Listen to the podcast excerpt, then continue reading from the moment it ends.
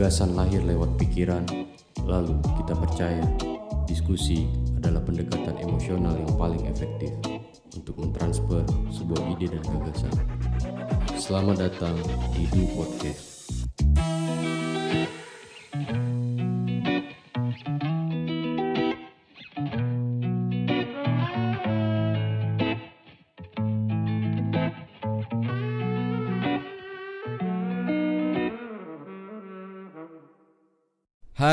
Daniel Suada di sini. Kembali lagi di Du Podcast. Akhirnya kita sampai di Sweet 17 episode. Jadi episode kali ini adalah lanjutan dari diskusi di atas ranjang bersama the one on only Asik. my wife Siti Fitriasanti Suhada. Hai. Halo. Halo. Jadi ini Mhm. sebenarnya diskusi ini apa sih yang menarik untuk kita diskusiin berdua nih? Mm-mm. Jadi bini awak nih tanya, kenapa kita nggak ngomongin si komunikasi? Karena dia juga dari dasar pendidikan yang ilmu komunikasi ya. Ya benar sekali. Coba ceritakanlah dulu. Hmm. Jadi sebelum sampai ilmu komunikasi Universitas Riau itu macam mana tuh? Cerita sedikit ya, sih. sedikit aja. Jadi kan mm, dulu pas masih sekolah SMA ya, SMP, SMA itu udah awalnya main musik dulu nih, ngeband ya kan. Band-band festival sekolah, sih. Sampai band festival antar sekolah, terus antar kota sampai ke Pekanbaru boleh lah di Riau musik ya kan sih.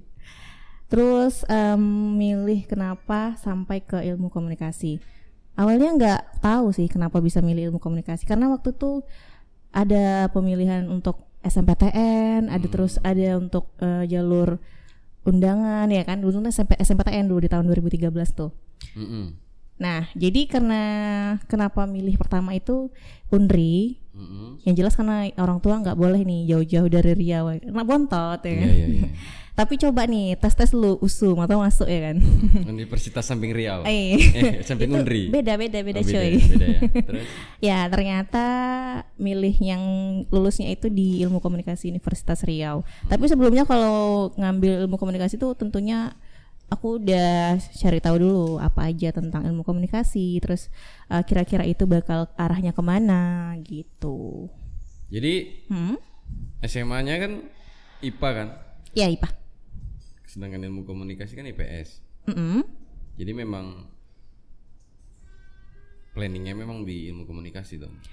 Iya sebenarnya di ilmu komunikasi itu nggak mesti ke IPS juga sih. Mm-mm. Karena kan kalau di Unrik memang kebetulan dia gabungnya di FISIP. Mm-mm. Kalau misalnya di kayak kampus lain itu eh, dia seharusnya ada fakultas sendiri nih, Vkom namanya. Fakultas, Il- ilmu komunikasi. Benar. Nah, jadi kalau ilmu komunikasi itu sebenarnya juga bisa sih eh, IPS masuk, IPA masuk. Jadi ya woles aja sih. Jadi Hmm? setelah tadi dari senam PTN, SNMPTN. nah, dulu kami bilangnya senam Ah, iya, serah lu dah.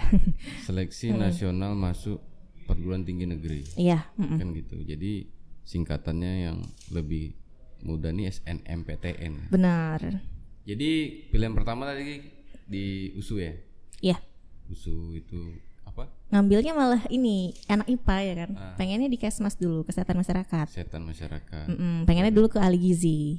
baru Ke di Unri. Unri Unri itulah Ambil ilmu komunikasi. dapatnya di eh Unri. Terus juga ada pilihan ketiga tuh. Karena dulu pilih tiga kampus. Terus yang terakhir itu UIN. UIN Iya, Universitas Islam Negeri. itu ambil Pendidikan bahasa Inggris. pendidikan bahasa Inggris ya terus Iya. akhirnya kan innya itu kan di ilmu komunikasi nih Ya benar. Nah, kenapa waktu pertama kamu milih ilmu komunikasi di pilihan kedua tuh, kenapa Iya. milihnya il- ilmu komunikasi? Oke, pertama kan eh, sebelum kita milih jurusan nih, kita kan udah cari tahu apa aja nih jurusan-jurusannya. Yang jelas ilmu komunikasi itu kalau dulu ini eh, Umi atau orang tua adek ini bang sih. Mertua ya. iya, bilangnya kalau ilmu komunikasi tuh nggak tahu nih itu apa. Taunya tuh komputer. Oh, gitu. iya. Khususnya Duma ya. Soalnya kalau misalnya pada ngomongin ilmu komunikasi, pasti taunya itu komputer ya. Oh, padahal itu bukan. Hmm. beda dengan komputer. Jadi ilmu komunikasi itu uh, satu jurusan yang menghubungkan tentang perkataan verbal dan non verbal untuk mendapatkan suatu pemahaman yang jelas dari apa yang mau kita sampaikan. Kayak gitu. Hmm, hmm. Banyak sih kalau komunikasi itu luas. Nanti kan ada pembagiannya lagi nih.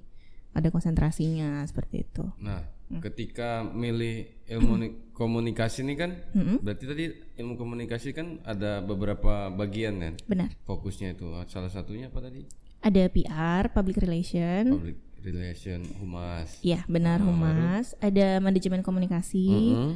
ada jurnalistik terus eh, ada juga namanya broadcasting tapi kalau di Unri itu adanya cuma sampai tiga tadi sampai jurnalistik waktu Mm-mm. Fokusnya ambilnya di di PR public relation Mm-mm, benar. Itu di di humas ya? Iya jadi humas. setelah setelah fokus nih kan setelah fokus di VR kan pasti Iya. kan milih kegiatan nih kan benar. Apa kegiatan yang dilakukan nih untuk mengasah kemampuan komunikasinya nih? Ya mungkin balik ke sebelum kenapa memilih konsentrasi PR kan kita tentu milih dulu nih kenapa milih satu konsentrasi karena ada minat di situ. Ya, eh, dari ketiga macam konsentrasi itu mungkin aku lebih suka ke PR. Kenapa? Mungkin lebih basicnya lagi balik nih kita dulu sukanya eh, tampil di depan. Namanya orang PR berarti mereka adalah eh, jembatan penghubung nih antara internal dan eksternal. Jadi balik lagi kalau misalnya ke PR berarti itu kita ngasah aja kemampuan kita. Kalau kita udah biasa sering tampil di depan, kalau kenapa kita milih jurnal kalau kita bisa di PR gitu. Jadi lebih sejalan dengan PR, kita bisa latih ke latih kemampuan komunikasi kita, bisa latih juga uh, bagaimana cara mengatasi suatu kondisi, masalah, dan juga bisa cari solusi nih, bagaimana yang terbaik seperti itu. berarti di public relation Mhm. ketika ngambil fokusnya tuh nyaman lah berarti ya Iya, balik lagi kita harus ke satu yang kita minati dulu, baru kita bisa jalaninnya. Gitu. terus untuk Hmm? kegiatan-kegiatan mahasiswanya waktu di kampus Oh iya, aku ikut salah satu hima, himakom namanya kalau di kampus aku itu namanya himpunan mahasiswa komunikasi. Sana juga gabung sejak masuk langsung gabung ya, mulai dari junior juniornya sampai jadi kakak-kakak junior kakak-kakaknya gitu. Sampai eh, dua tahun lah, dua tahun kira-kira gabung di himakom. sampai akhirnya lulus lah ya Iya, tapi kalau sudah le- mau lewat kakak ini tuh kayak udah nggak aktif lagi di organisasi. terus itu kita pacaran pacaran lu kan sempat di radio kan Oh radio iya, Persada FM deh Asik. Baru. Ah, ah. terus kan pasti kan sebelum kita jadi seorang penyiar itu kan pasti kan banyak proses yang dilalui untuk kita bisa menjadi seorang penyiar kan benar. jadi di Persada itu bagaimana proses yang harus dilalui itu untuk menjadi seorang penyiar yang didapat di Persada FM waktu itu Mm-mm. Jadi dulu eh, kenapa milih jadi penyiar? Mungkin itu balik lagi ke jurusan ya. Kalau teman-teman kan banyak tuh yang jadi penyiar, jadi war jadi wartawan, jadi pembaca berita. Jadi eh, mengarahnya ke sana nih. Terus coba di Persada FM ternyata eh, banyak proses yang dilalui untuk bisa sampai di titik itu. Mulai dari audisinya, audisinya tuh rame loh ternyata minat anak-anak Pekanbaru saat itu. Mulai dari macam-macam kalangan sampai kita bisa masuk ke sana. Beberapa orang yang diseleksi jadi sampai cuman belasan terus sampai puluhan dengan audisinya itu. Terus ada trainingnya juga. Jadi di trainingnya itu ya Mas Daniel di call station namanya kalau misalnya siaran. Misalnya kamu uh, dengar radio nih pasti ada opening dari penyiar ini yang kayak bla bla bla bla FM uh, pesan dari radio. Nah, nah, nah, nah, seperti itu. Call nah station. ya untuk call station seperti itu aja kami latihannya itu sampai sebulan lebih hampir dua bulan cuma untuk ngulangin kata-kata di call station saja. Itu udah nyiar? Belum. Terus? Itu belum on air. Jadi untuk on air itu kami eh, dikasih waktu tiga bulan dulu untuk tandem. Tandem itu kita cuma lihat-lihat nih lihat-lihat senior eh, penyiar kan di studionya gitu Iya, tapi kita belum on air. Mm-mm. Mm-mm. Kita cuman gimana sih cara dia siaran seperti itu. Eh, setelah lulus call station, baru kita bisa masuk ke studio, tapi belum on air. Kita baru lihat-lihat nih gimana cara penyiarnya set semuanya, gimana dia on air sampai dia closing. setelah kita bisa untuk ngeliat baru kita bisa uh, tandem beneran tandem beneran ini berdua belum dilepas sendiri nah untuk proses untuk sendiri itu eh, nggak uh, segampang yang mungkin teman-teman dengar oh penyiar oh ya gampang ya tinggal chop-chop aja gak nggak segampang itu uh, karena nih Mas Daniel kalau misalnya di studio itu kita tuh harus bagi-bagi fokusnya dan itu nggak boleh salah kalau di radio nggak mungkin dikat kan nggak mungkin diulang karena itu live gitu hmm. nah jadi apalagi kalau misalnya ada satu aja segmen yang salah itu langsung ditelepon tuh sama manajernya sama produsernya iya benar mm -mm. Mm -mm. Jadi dari call station tuh kan mm -hmm. uh, proses yang dilalui lah untuk kita bisa jadi sampai bisa kita mengudara lah sebagai yeah. penyiar kan. Mm -mm. Terus untuk waktu di Persada itu untuk materi-materi teknis penyiaran tuh dapatnya mm -hmm. materi apa aja? Materi ya, kalau untuk di Persada balik lagi karena dia radionya anak muda, jadi kita nanti itu ada bagi berbagai segmen atau program yang dibagi. Misalnya jam sekian-sekian ada programnya ini. Kebetulan uh, aku dapat di jam 2 sampai jam 6 sore itu programnya namanya dulu um, Happy Hours. Nah, jadi di situ uh, lebih ke musiknya itu mungkin ke barat. Barat yang lagi up to date saat ini.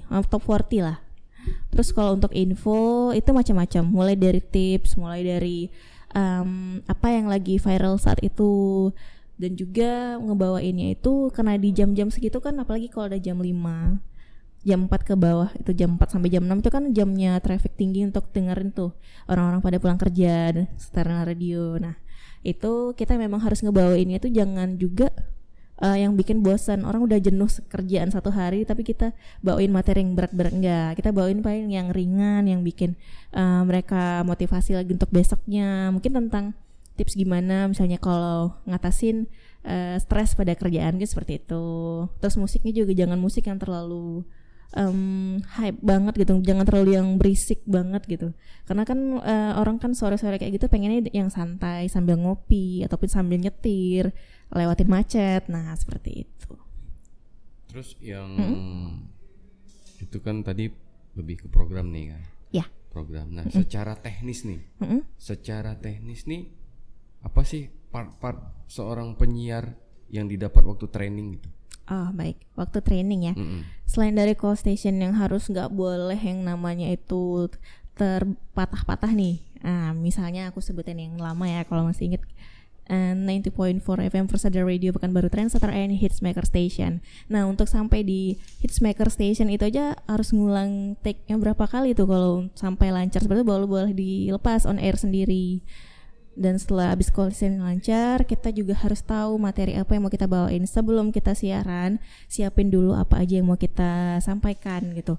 Terus uh, susunan lagu apa yang cocok dengan materi yang kita sampaikan pada saat itu. Jangan nih kita nyampein materinya tentang kesehatan tapi nanti kita malah uh, hidupin uh, playlist yang bikin um, pusing kepala gitu. Malah bikin ini dalam kota Roma itu kemak otak.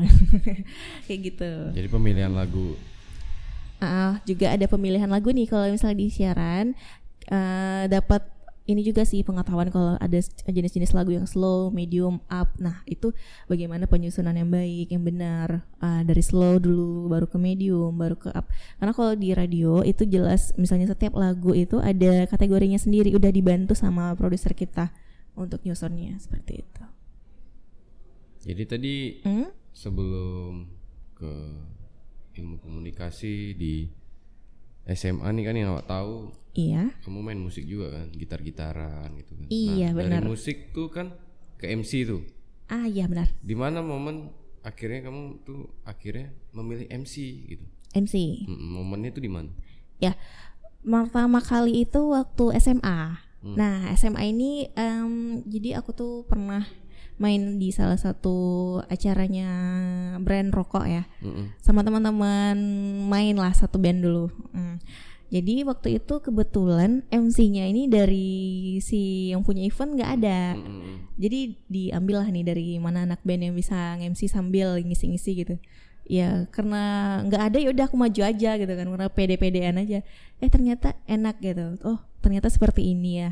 Terus uh, itu baru job-job thank you aja gitu Hmm. cuma job-job eh, nasi kotak ya kan kayak gitu mulai dari yang cuma job thank you sampai ya alhamdulillah bisa nambah-nambah beli lipstick ya terus untuk yang Itu bener-bener SMA tuh ya? Iya SMA. Hmm. Terus yang untuk yang pertama kali dapat fee, nah itu waktu mm, sebelum pemilihan presiden lah. Jadi Iya. pernah ikut eh, diajakin untuk em, ini MC kampanye. MC kampanye. iya, nah Itu pilpres. ya sebelum pilpres. ah. Ini kampanye pilkada apa kampanye pil- Pilpres. Oh, pilpres. Iya, tapi untuk yang di Dumai. Oh. tandem saat itu sama abang-abang itu nambang Reza namanya dulu. Hmm. Diajakin sama beliau terus nah di situ challenge-nya pertama kali langsung tiba-tiba langsung bawa ini untuk kampanye gitu kan. SMA tuh. Mau mau tamat SMA gitu. Hmm. Nah, tapi masih SMA dong. Jadi Eh, digas lah tuh. digas lah tuh. Hmm, Hmm. Berarti Setelah anak SMA gitu kan langsung tiba-tiba bawa MC kampanye gitu. Hmm. Oh di situ belajar langsung di hari itu, belajar gimana bawain suasana di situ, Hmm. cocokin sama tandemnya yang belum pernah ketemu nih, baru chat-chat aja gitu. Mm-mm. Nah di situ challenge-nya ternyata seru gitu. Oh ternyata seperti ini dunia MC. Walaupun itu baru ya sedikit bagian mungkin yang belum sebanyak yang pernah dilewatin sampai hari ini gitu. berarti kan Hmm? kamu tuh waktu SMA udah nge-MC juga, Mm-mm. terus udah radio juga kan. Mm-mm. Kemampuan berbicara tuh. Ya. Public speaking, Mm-mm. presentasi. Iya. Itu kan mm, orang-orang yang bagus lah untuk public speaking itu. Hmm? Kamu percaya kalau public speaking itu dasarnya bakat? Hmm, menurut aku nih, Hmm. kalau bicara tentang bakat, em, aku percaya sih bahwa bakat itu cuman mindset, mindset aja. Kenapa? Karena kan kita sama-sama dikaruniai bakat yang luar biasa nih dari Allah Subhanahu Wa Taala. Kita lahir dengan bakat masing-masing, namun eh, yang membedakannya itu latihan atau cara mau kita belajar atau enggak. Misalnya tentang public speaking, menurut aku semua orang bisa public speaking asalkan dia mau belajar, asal dia mau mencoba karena public speaking ini luas bisa eh, apa aja gitu mulai mulai dari kamu ngomong di media sosial tapi kamu dengan menyusun kata-kata yang bagus dan benar itu termasuk salah satu kamu belajar untuk public speaking seperti itu Jadi Hmm? untuk menjadi public speaker yang baik itu Hmm? harus rajin-rajin ngasah berarti ya. benar Jadi hal-hal yang menjadi untuk menjadi seorang public speaker yang learning by doing nih. Hmm? Nah, apa nih teknik dasar untuk menjadi public speaker yang baik itu? Ya, mungkin kalau untuk jadi public speaker yang baik, aku di sini nggak menggurui, tapi mungkin coba eh, dari pengalaman yang pernah aku coba nih. Untuk pertama itu latihan di awalnya mungkin coba di pagi hari, di bangun tidur itu biar pelafalan kamu tuh nggak belepotan. Mm-mm. Coba dengan eh, lafal vokal seperti ini A, I, U, E, O dengan lantang gitu. Mm-mm. Nah itu membantu. Coba kalau kamu lakukan itu setiap pagi, setiap bangun tidur, untuk eh, ke depannya pasti untuk eh, berbicara nggak ada namanya nanti eh, pendengaran orang yang kita ngomong tuh apa? Ah apa? Boleh diulang. Nah seperti itu. Hmm. kita lebih fasih melapalkan sesuatu seperti itu. Selain itu juga untuk belajar smiling voice. Sama untuk di radio sebelum kita siaran kita tuh harus punya smile voice. Smile voice tuh maksudnya eh, suara nggak mungkin kan suara itu bisa senyum gitu. Tapi maksudnya seperti ini. Jadi yang mendengar kita itu bisa em, melihat ap- mendengar bagaimana sih penyampaian dari si penyiar atau si yang menyampaikan sesuatu ini sesuai dengan apa yang mau dia sampaikan smile voice ini bisa jadi eh, kita mau eh, kasih tahu sesuatu dengan penuh semangat. Nah, nggak mungkin dong kita dengan lemes gitu. Nah, itu Hmm. butuh smile voice. Sama kayak misalnya Mas Daniel tadi kayak di openingnya, Hai Daniel Sada di sini. Nah, itu kan Iya, harus iya. punya smile voice. Iya iya iya. Gak mungkin Hai Daniel Sada di sini, Iya, bisa iya. dibantu. Gak mungkin kayak gitu. Iya, iya, iya. Iya. Nah, jadi smile voice tuh perlu. Perlu banget. Jadi tadi Hmm? smile voice, baru tadi latihan, Mm-mm. terus ada lagi? Hmm, mungkin apa ya? Gini deh, kalau kata Pak Helmi Yahya nih, the king of quiz. Tahu dong Pak Helmi Yahya ya, the king of quiz Indonesia. Kalau mau jadi sukses itu harus pandai komunikasi. Nah, percaya nggak sih kalau di era sekarang ini kamu uh, punya kemampuan public speaking itu memang uh, akan menunjang di sebagai uh, uh, semua aspek menurut aku. Mulai dari karir, pergaulan, koneksi dan lain-lainnya. Balik lagi ke mungkin sedikit bahas tentang teori komunikasi boleh ya? Ya, ya, ya, ya. Dari Harold Laswell itu di tahun 1948 menyebutkan model komunikasi itu ada beberapa bagian yaitu ada who itu siapa, says what menyatakan apa, in which channel itu melalui saluran apa, to whom untuk siapa dan with what effect apa efek dari yang kita sampaikan. Jadi dari model komunikasi Laswell itu salah satu teori dasar komunikasi yang harus kamu tahu sebelum kamu untuk belajar public speaking. Hmm. Hmm. Berapa SKS tuh? itu waktu belajar komunikasi itu pasti di semester 1 Oh gitu. Iya. Jadi tadi Mm-mm. Pak Elmiah ya ya. yes. Kamu tahu Pak Elmiah yang terakhir karirnya di mana? Terakhir karirnya Heeh. di karirnya itu tapi di TVRI. TPRI. Iya. Dia public speaking connection terus ngebangun TPRI itu Mm-mm. yang TVRI itu ratingnya di ada memang benar-benar di bawah sampai Mm-mm. dia di tengah lah bisa Benar. bisa bersaing dengan TV swasta lain. Iya. Tapi terakhirnya dia dipecat, Iya. ya kan? Tapi sekarang kan udah oke, nggak mesti di, di stasiun TV dia kan ini punya channel sendiri. Ya, Ya. itu kan bagian dia setelah after dari TPRI dia Yes. ngebangun channel Mia ya berbicara kan seperti itu. Jadi untuk manfaat public speaking nih Ya. kan kamu tuh kan sekarang juga jadi customer service kan gitu kan. Mm-mm. Bisa ada di titik sekarang tuh apa manfaat public speaking untuk kamu nih? Nah, jujur ya untuk eh, karir sampai hari ini itu salah satu yang aku rasain dari manfaat public speaking. Kenapa? Karena eh, alhamdulillah setelah lulus dari kampus untuk cari kerjaan itu kan kita eh, pasti ada wawancara nih. Mm-mm. Nah, wawancara pertama itu menentukan untuk langkah kamu berikutnya. Mm-mm. Untuk kamu bisa dapat pekerjaan yang kamu mau, tapi kamu harus bisa punya public speaking yang benar dulu. Hmm. Yang benar eh, nggak mesti benar juga sih, tapi yang menarik. Hmm. Gimana bisa eh, si pewawancara itu mendengar apa yang kita sampaikan? Gak mungkin dong cuman flat-flat aja Eh, ditanya, "Ah, coba sebutkan profil kamu. Ya, nama saya Siti Fitria Santi, panggilan Santi, lahir Dumai. Nggak mungkin kayak gitu ya, dia bisa baca kan dari profil. Mm-mm. Nah, cara dari public speaking itulah yang membantu kamu untuk di karir, juga untuk di pergaulan, di koneksi, seperti itu. Jadi public speaking nih Hmm? bisa membawa kesempatan kita Hmm. untuk contoh nih event punya kesempatan di MC Iya. terus untuk acara-acara kantor Mm-mm. gara-gara public speakingnya bagus tuh awak yang ba- yang bawain acara kantornya gitu Iya. ya Jadi public speaking itu juga menunjang karir kamu. Jadi kalau misalnya kamu pun jadi satu orang, jadi leader nih besok, nggak mungkin dong public speakingnya jelek. Gimana kalau misalnya eh, anggota atau bawahannya mau ngedengerin kalau public speaking dari pimpinannya aja nggak bagus.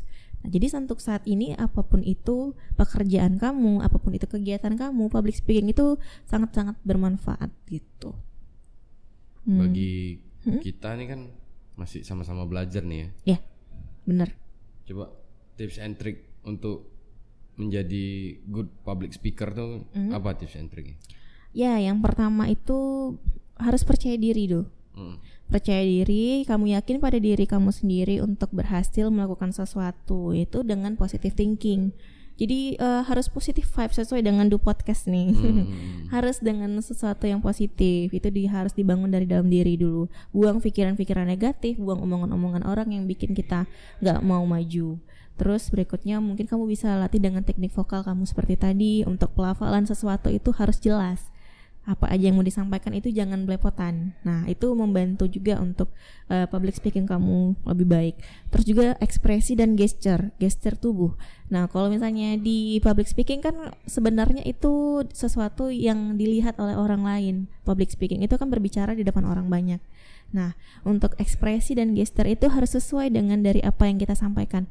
Jangan terlalu berlebihan dan juga jangan terlalu flat. Jadi kalau orang yang terlalu berlebihan nih gesture atau gerak tubuhnya itu mengganggu bukan sih? Jadinya Mm-mm. kita nggak nyaman nih ngelihatnya.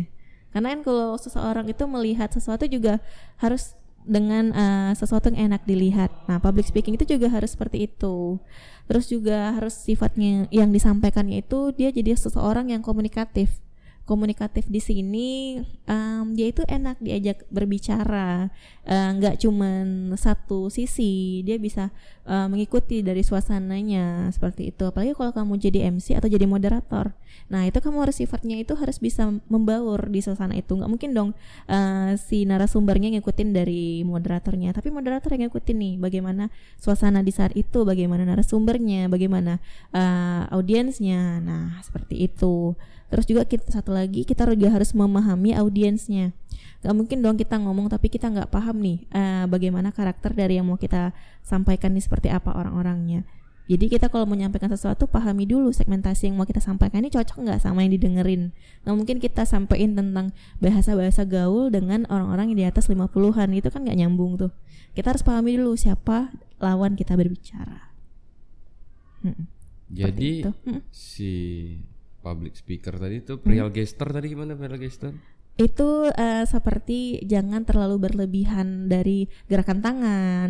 Gerakan tangan kita kalau misalnya pidato nih atau menyampaikan suatu ya pidato bisa jadi. Mm-mm. nah itu kan kadang-kadang kita sering kebawa nih bergerak tubuh kita.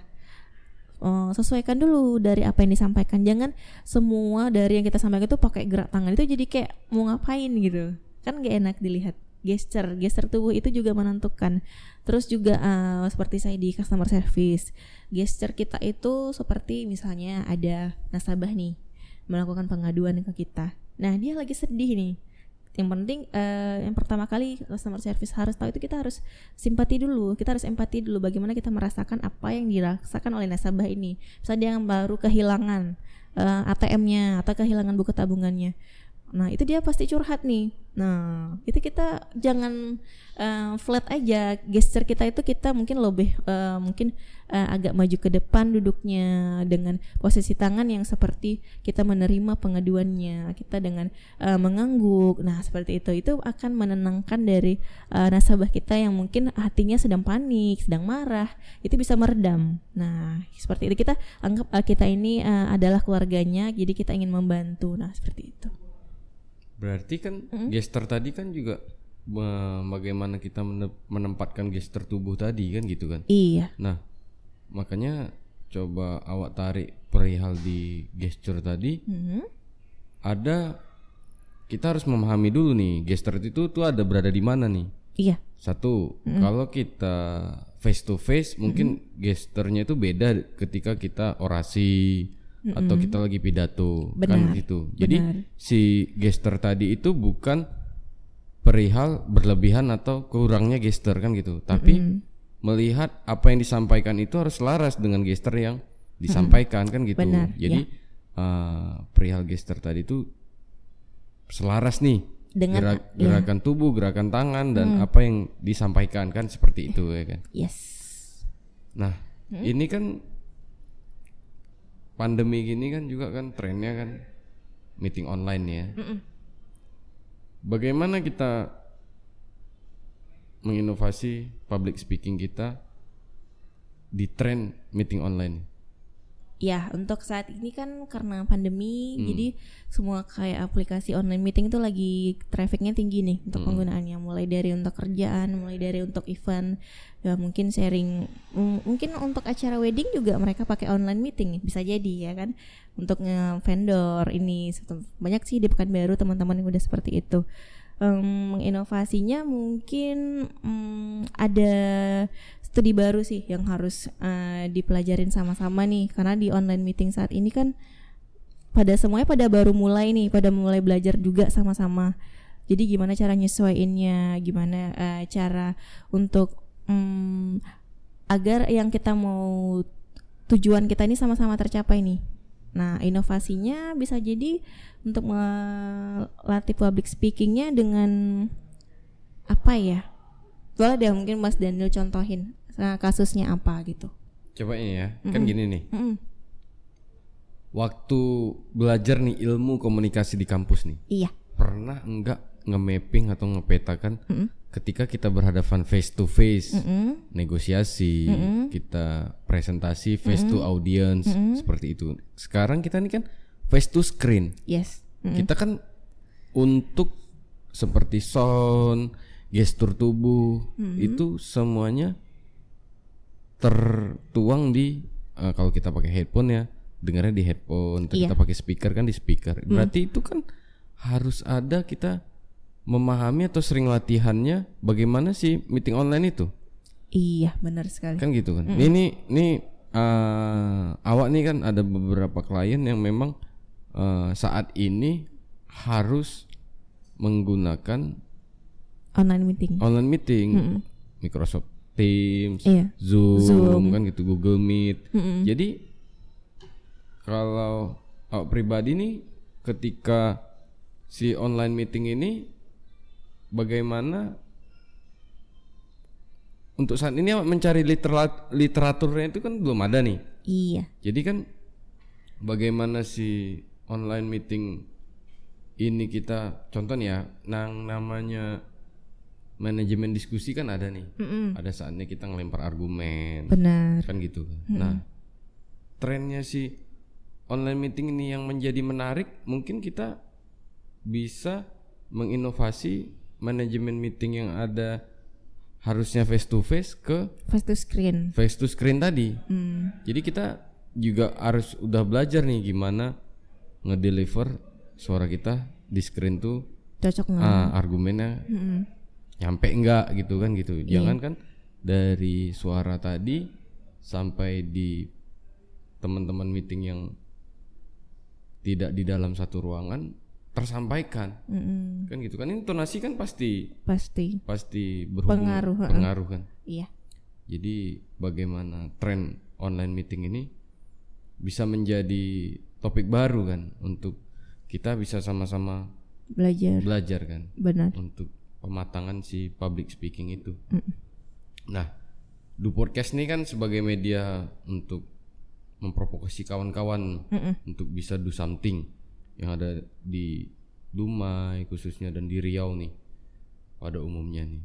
Si apa sih saran kamu nih selama awak ada di Du nih kira-kira untuk tim Du nih apa sih saran kamu?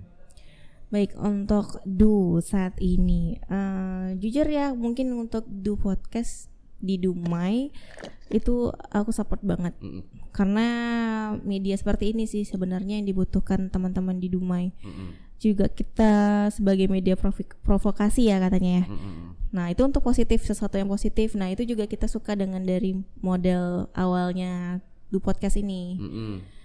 Um, harapannya mudah-mudahan bisa explore lagi. Um, mungkin boleh keluar Dumai mungkin bisa jadi jadi referensi buat teman-teman di Dumai. Mm-mm. Hmm, bisa jadi juga untuk cari bahan yang lebih seru lagi.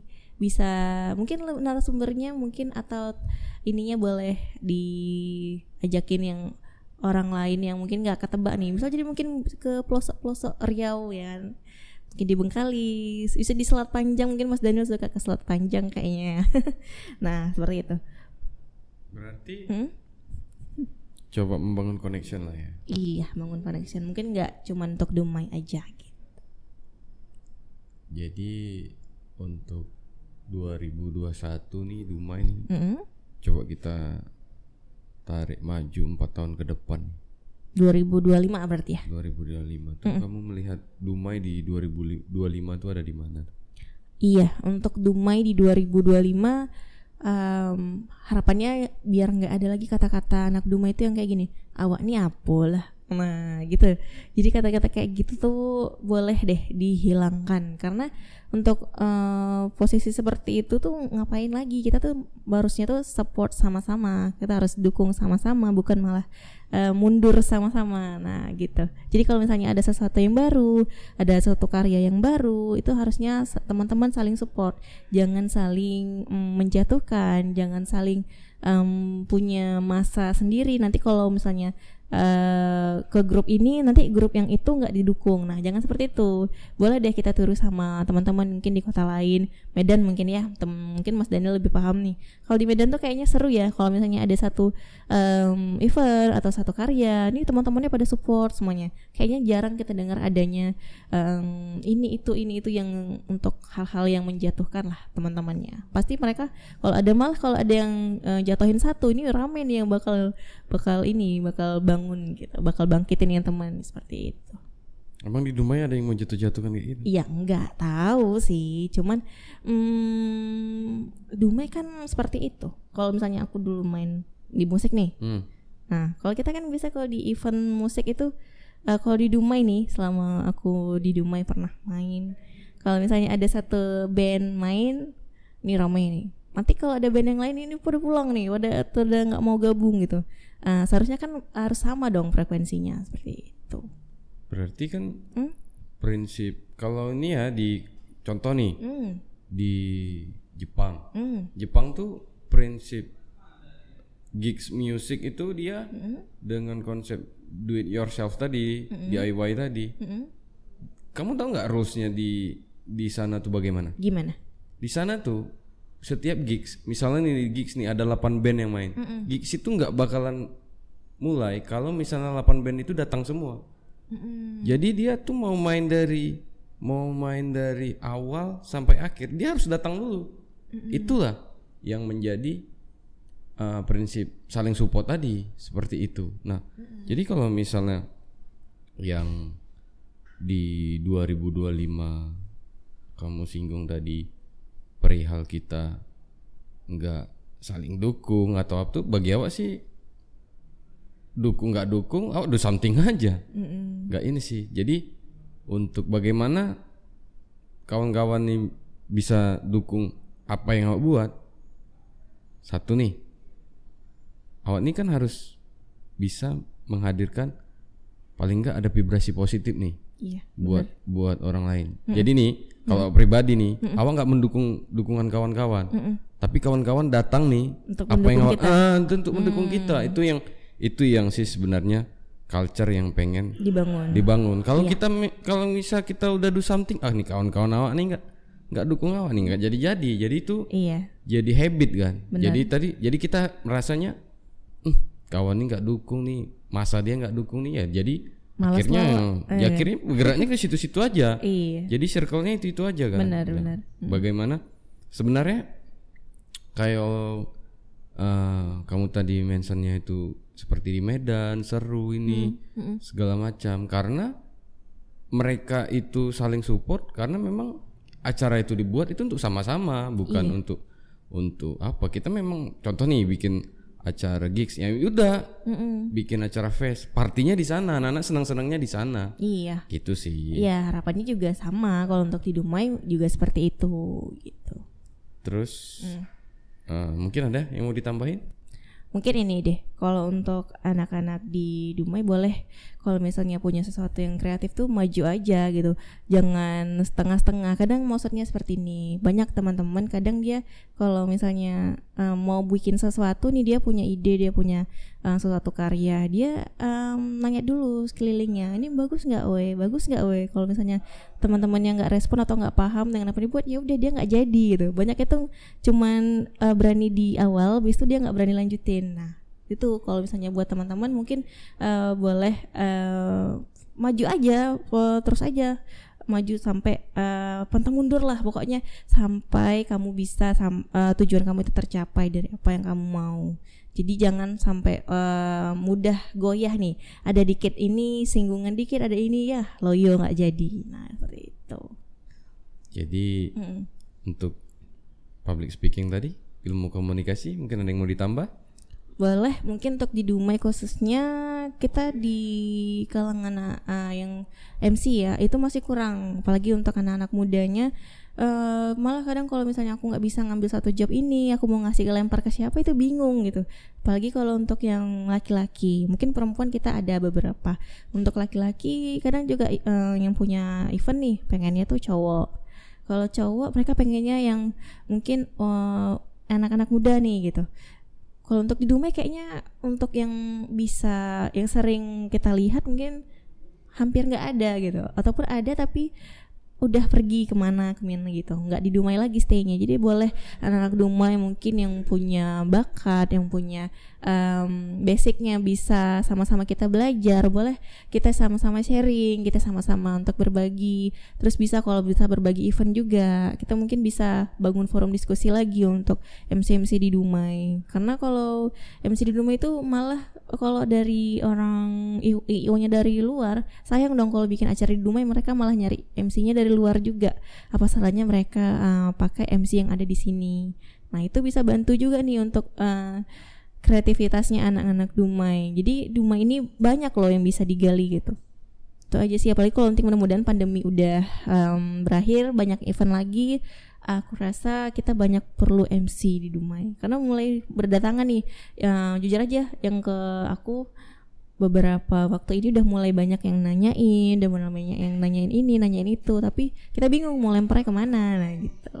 Berarti uh, untuk dalam waktu dekat hmm? Udah ada lah yang nanya-nanyain untuk job MC gitu ya? Iya. Berarti bagaimana harapannya tadi anak Dumai bisa jadi tuan rumah lah? Iya, di... jangan sampai MC-nya malah dari luar, padahal acaranya di tempat kita gitu. Oke, mantap. Mm thank you nih udah mau bantu di episode Sweet Seventeen episode Asik, ya. Seventeen ya. Kenapa Sweet ya? Karena memang mm -mm. Punya ada apa dengan 17? Punya cerita itu angka 17. ya buat yang tahu-tahu aja ya, ya. Terima kasih dari Du Podcast. Iya, terima kasih juga sudah datang ke sini, sudah diundang ke sini. Akhirnya di episode 17 ya. Yo, Padahal dulu cuma lihat-lihat aja oh, kapal mah ya. Akhirnya. Akhirnya. Hmm. Saya Daniel Suada. Saya Santi MC. Sampai jumpa di episode berikutnya. Bye bye.